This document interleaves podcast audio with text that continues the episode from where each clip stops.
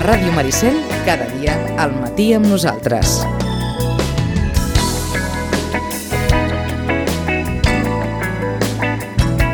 I esperem que aquest, eh, aquesta sigui l'últim dia que hem de saludar-nos a través de les pantalles amb la, amb la Marta Sánchez eh, perquè doncs, esperem també recuperar eh, progressivament la presencialitat en, la, en el nostre estudi eh, de la ràdio passat Carnaval, tenint en compte que la incidència Covid a Sitges també està baixant, com a tot arreu, de, de manera destacada. I per tant, doncs, que poder mm, tenir-la aquí, doncs, eh, la tenim a prop, eh, perquè és d'aquí tocar, oi? Però, però, però, però és allò dels, eh, dels protocols que encara, que encara mantenim. Marta Sánchez, bon dia.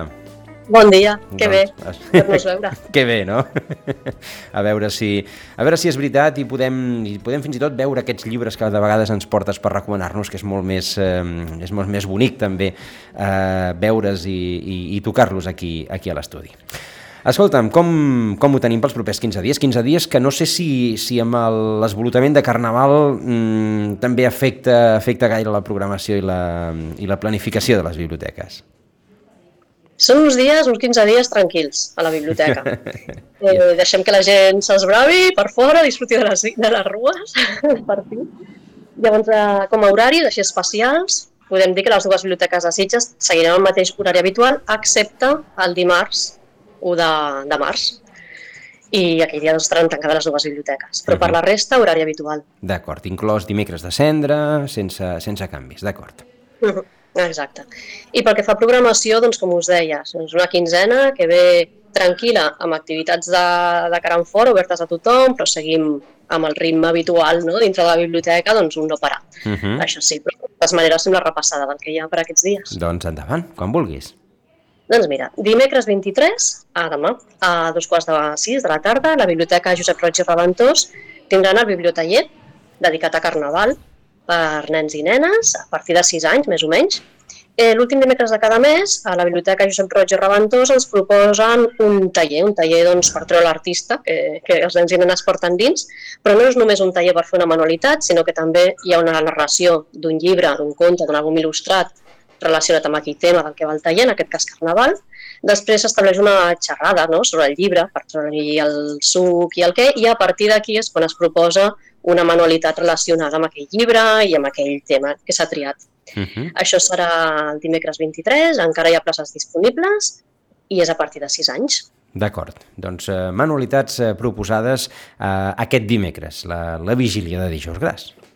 Ah, exacte. Uh -huh. El dijous 24, a dos quarts de set, tenim el Liceu VIP, aquest projecte engegat entre la Generalitat de, de Catalunya, el Gran Teatre del Liceu, i a la biblioteca doncs, cada mes fem una xerrada sobre l'òpera que s'està programant en aquell moment o programarà molt properament al Liceu. En aquesta ocasió, Peleas i Melisande, de Debussy, i serà càrrec de Roger Alier, gran musicòleg i crític d'òpera i molt esperat pels habituals del Liceu VIP. Quan ve el Roger Alier no per desmereixer la resta de conferències que venen ni molt menys, però com ve el Roger Lieno doncs és aquesta escoltar a un gran expert i un gran comunicador. És un plus. En aquesta ocasió, sí, uh -huh. ell ens parlarà doncs, d'aquesta òpera, com dèiem, Peleas i Melisande, que és un drama ple de, de passió, amb uns personatges enigmàtics i una atmosfera inquietant, onírica, que està programada al Liceu entre el 28 de febrer i el 18 de març. Per tant, ens queda just per venir a la xerrada i després poder gaudir en tot cas qui vulgui no? d'anar al Liceu, sabent una miqueta més sobre aquesta òpera.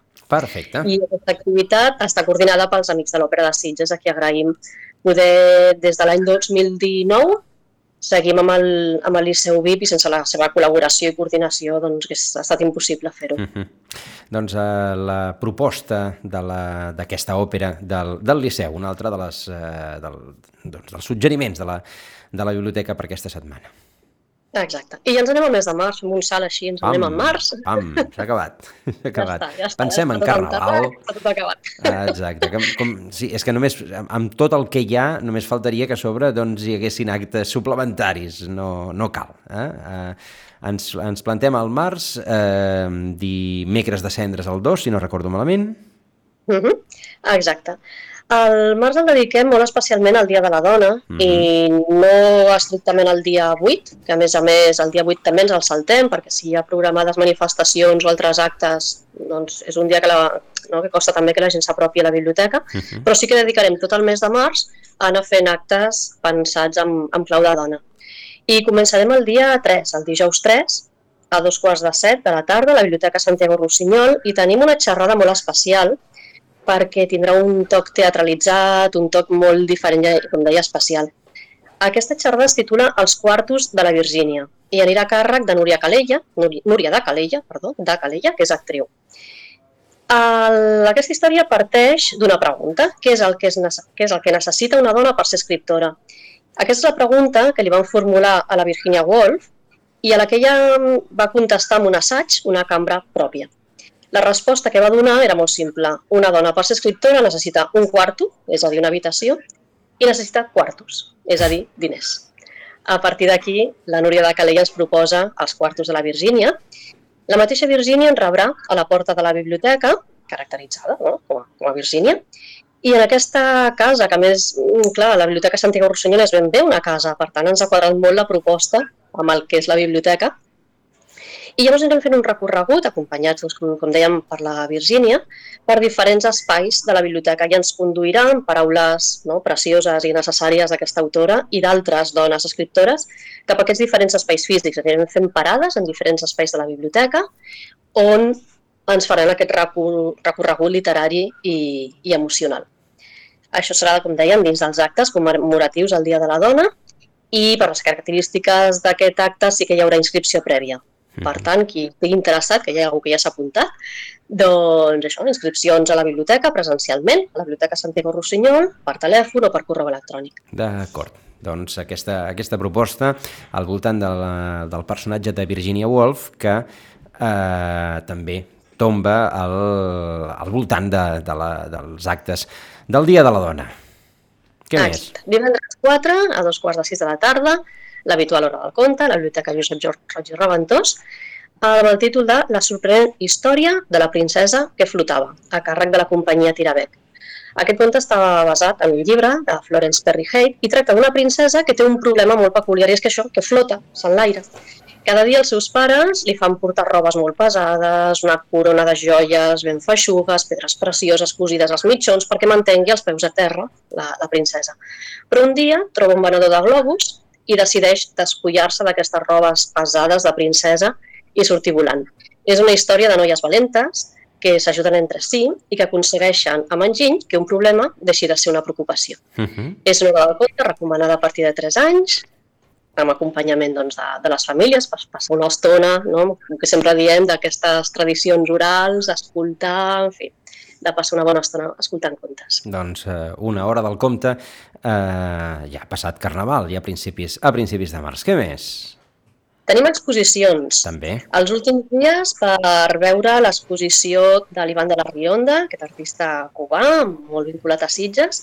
Des del 3 de febrer que tenim unes pintures a l'oli al pati de la Biblioteca Santiago Rossinyol i estaran fins al 4 de març. Després d'aquesta, del 7 de març al 7 d'abril, tindrem una altra exposició de pintures del col·lectiu Blauet.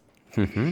Del 15 de febrer també fins al 31 de març, a les vitrines de la Biblioteca Santiago Rossinyol, quan entrem ja podem veure una mostra de llibres, objectes, quadres, fotografies, que els hem dedicat a dos commemoracions. Per una banda, els 125 anys del naixement de Josep Carbonell i Janet, i per l'altra, 160 anys de naixement de Miquel Utrillo, dos il·lustres sitjatans, uh -huh. dels que tenim aquesta mostra a les vitrines de l'entrada. A partir del 4 de març també farem una exposició de fotografies i de la biografia d'aquestes dones sitjatanes que han estat proposades per donar el seu nom a noms de carrers de Sitges, carrers nous o carrers que ja existeixen i que hi haurà un canvi de nomenclàtor per també assegurar o anar camí de l'equitat entre noms de carrers de personatges homes i, mhm. -huh. i dones. D'acord. Tindrem aquesta exposició també per donar informació en el posterior eh, procés mm, de votacions, no? perquè uh -huh. tothom pugui dir sobre aquest tema. Per tant, a la biblioteca hi haurà aquestes fotografies i aquest per què han estat elles les proposades per donar noms a carrers de Sitges. D'acord, aquesta, aquesta llista de carrers que, de fet, demà al ple n'ha de, de donar compte. Què més? Uh -huh. Què més? També del 4 al 15 de març, seguint amb aquesta commemoració del Dia de la Dona, tindrem les habituals mostres de llibres. Per una banda, a la Biblioteca Josep Roig i Reventós, amb nom de dona. Seran novel·les d'escriptores i també llibres sobre feminisme, no? relacionat uh -huh. amb, el, amb el nom de la dona tant com a protagonistes com com a autores no? I, i llibres això, no? per, per, sobre feminisme, vaja. Uh -huh. I a la Santiago Rossinyol farem una mostra també de novel·les i de pel·lícules en les que el desig i la sexualitat de les dones en són protagonistes i el fil conductor de l'argument. També hi haurà llibres de coneixements sobre el desig i la sexualitat en clau femenina, d'aquests llibres que, són, que els llegeixes i, i empoderen no? i ens fan més conscients i lliures en les nostres eleccions i en, en la gestió emocional molt enfocat a això, no? el desig i a la sexualitat. D'acord, doncs eh, propostes també, com, com ens comentava la Marta, moltes d'elles vinculades amb la celebració del Dia de la Dona, que sempre s'escau eh, durant la primera quinzena de març, el 8 de març, però com comentava la Marta, més enllà del 8 de març, doncs també eh, al llarg de, dels, dels altres dies, doncs, per, per alliberar el 8 perquè, doncs, si algú vol assistir a, la, a les manifestacions de que, i als actes reivindicatius, doncs, que, que ho pugui fer. Exacte. I a la biblioteca Josep Roig i Reventós hi haurà el préstec d'aquestes bosses amb contingut sorpresa, slots mm. lila, i és això, doncs, allà dins les companyes de la biblioteca Josep Roig i Reventós posaran llibres, posaran pel·lícules, en fi, elles faran la tria, i qui agafi una bossa, quan arribi a casa, doncs trobarà el que trobarà. Uh mhm. -huh. De totes maneres, seran bones propostes, segur. I n'hi haurà per totes les edats, tant per nens i nenes com per, com per adults. D'acord, però bosses lila, en aquest cas, eh, específiques. Sí, bueno, són de color blanc, però uh -huh. li diem així. Sí, sí, però s'entén, s'entén. Eh? El, el, el, el sentit és bosses lila, no cal pintar-les. Exacte. I aquí ens quedaríem en aquesta quinzena. D'acord. Uh -huh. hi haurà doncs, hores del conte, hi haurà presentacions de llibres, hi haurà altres catàlegs de temes diversos, i ja encara en Sant Jordi, després de març, ve, ah. ve l'abril. D'acord, és a dir que, que el, un cop passat Carnaval i aquests dies més tranquils ja comença la rampa de sortida que ens ha de conduir el 23 d'abril, encara faltarà un mes i escaig, eh, però que durant tot el mes de març ja, ja es anirà escalfant l'olla que, que bullirà, com sempre, per, per un Sant Jordi que tendirà més a la normalitat que el dels últims anys, evidentment, o almenys tenim l'esperança que, així, que així ho sigui -hmm. tens, tens alguna... Digues, digues. Fa 15 dies eh, vam comentar d'explicar el tema de la selecció de llibres... Sí, és veritat, és veritat. Sí, et vaig, et, et vaig posar deure fa 15 dies. Digues. Doncs mira, selecció de llibres de, de les biblioteques.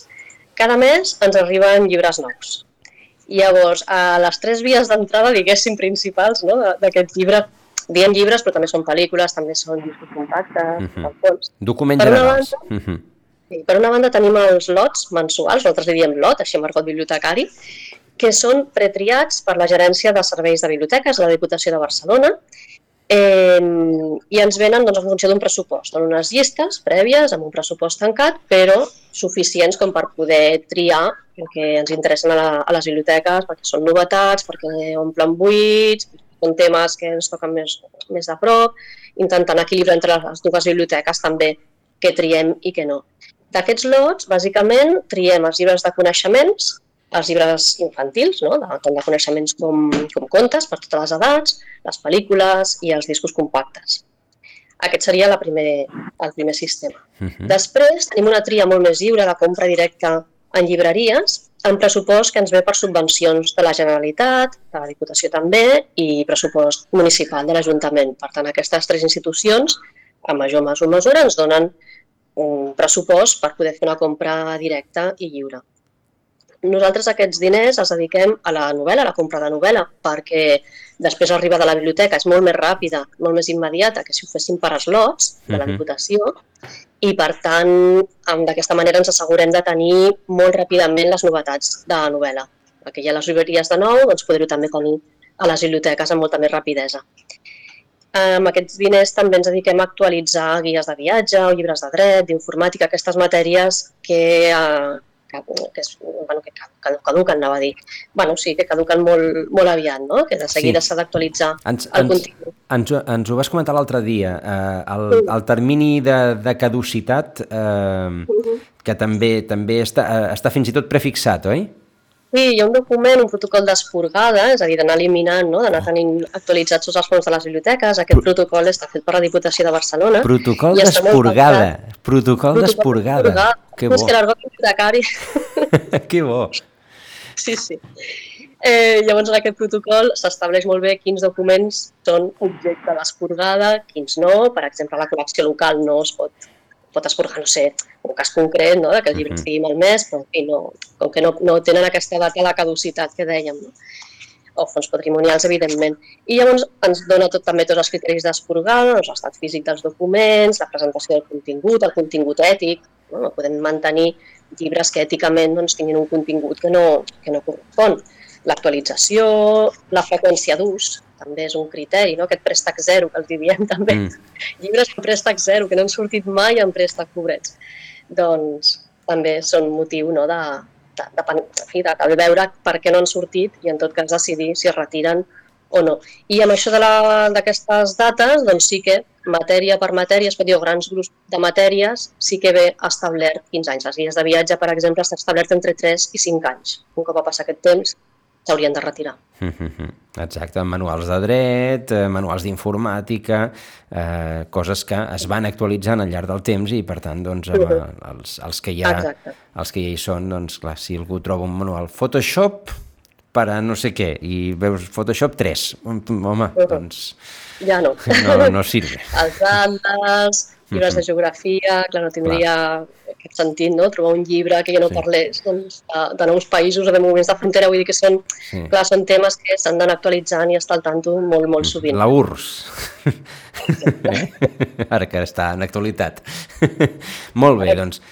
De... I en canvi, clar, el que és literatura, obres de ficció, doncs aquestes sí que el criteri és un altre, no? Ens Mhm. diem més, doncs, el préstec zero, retirar llibres que en el seu moment, novel·les, que en el seu moment no han sigut un boom, però que després el seu préstec decreix i fins i tot, no? parlaríem, no sé, del Código da Vinci, per Mm. exemple, o de les ombres de Grey, no? tipus així, que en el seu moment doncs, han tingut molt de boom, que després literàriament no és que tinguin un valor com per guardar-los, i el préstec decau, per tant, aquests es van retirant també.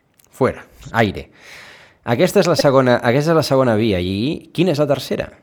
I la tercera via seria el dels donatius. Amb els donatius també tenim es- establerts uns criteris Uh -huh. per acceptar o no els donatius de particulars a les biblioteques, perquè clar, hi ha gent que això, doncs, en un moment donat, amb un tema de trasllat, per exemple, que és molt comú, doncs clar, tenen llibres, no? i què en fem? Fa cosa llançar-los? Doncs vinga, cap a la biblioteca. Bé, doncs també hi ha uns criteris, uns protocols establerts per passar uns filtres eh, de, de donatius que se'ns puguin donar.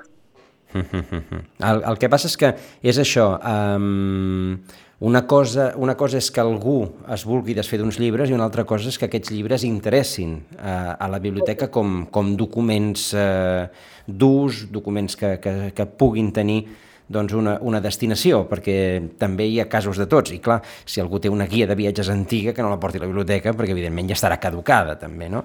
Uh, Exacte. aquí... I en aquest cas, bé, doncs, ens trobem de tot, eh? des de llibres que dius, doncs, mira, algú s'ha comprat una novel·la, se l'ha llegit i ja està, ja no la vol, doncs la porta i, i si és actual, benvinguda sigui, no? que estigui en, en bon estat. Però clar, llibres de text, enciclopèdies, no n'agafem cap, eh, en fi, Oh. tot passa per, també per uns filtres. Això és un clàssic, eh? Tinc l'espassa. Vinga, va, por- portem-lo a la biblioteca, home. Ja la tenim, ja la tenim. És del 1968, que té un valor. Home, sí, segurament, però ara... D'acord. Eh, doncs això. I llavors a la biblioteca, Santiago Rossinyol en concret, hi ha quatre companys no, que porten molt aquests temes de fons. Seria el Gerard, el bibliotecari, que és qui coordina totes les compres, aquestes tries dels lots, gestiona, cataloga el que encara, el que és molt, molt tan nou, tan nou, que no té cap altra biblioteca, doncs s'ha de catalogar. Uh -huh. La Pepa, que és molt especialista en novel·la, ja té un postgrau en prescripció literària i, per tant, és qui porta bàsicament aquest tema. La Susana, en la sala infantil, i el Francesc Parra, de col·lecció local. A la Roig. Reventós també hi ha les companyes, la Bàrbara, l'Anna, la Perfi i la Sonsoles, que també porten aquests temes. Per tant, tenim les nostres especialitzacions i, i tothom suma. És a dir, que, en- que en el fons cada, cada cas es mira. Això queda, queda Mhm. clar, perquè sempre hi ha eh, qui, qui pot eh, dedicar-se a, a valorar cada, cada cas particular, més enllà d'aquests casos. Eh? Si les, les passes del 68 no cal que la portin, i si la porten els hi diran amablement que, que no, no. per què no? Però bé, és, eh, és interessant aquesta, aquesta qüestió perquè, clar, és, eh, és una altra... O sigui, primer, com entren els llibres nous i segona, què fem amb llibres nostres, que potser els hi podem donar un valor, però, clar, això tindrà un valor per una biblioteca? Doncs això és la, la tasca que han de fer els, els bibliotecaris, no, Marta? Exacte. Si el que mirem molt és això, eh, que sigui un fons sobretot molt actualitzat i que no doni unes informacions obsoletes uh -huh. o, o que ja no són certes. Sí, sí, sí, sí. Doncs aquesta, aquesta és l'altra, doncs, eh, interessant, aquestes, aquestes tres vies d'entrada dels documents eh, que han de ser, atenció, esporgats després, amb el temps esporgats. Això és, clar, això, això és de, això és d'agricultura, això d'esporgar, però, clar, es veu que també amb, amb llibres eh, s'utilitza aquest, eh, aquest mateix verb. Eh, Marta, moltíssimes gràcies per aquesta estoneta. Esperem d'aquí a, a 15 dies, eh, efectivament, doncs, poder-te saludar eh, presencialment i que ens puguis fer les, les recomanacions. Moltes gràcies a vosaltres. Ens veiem.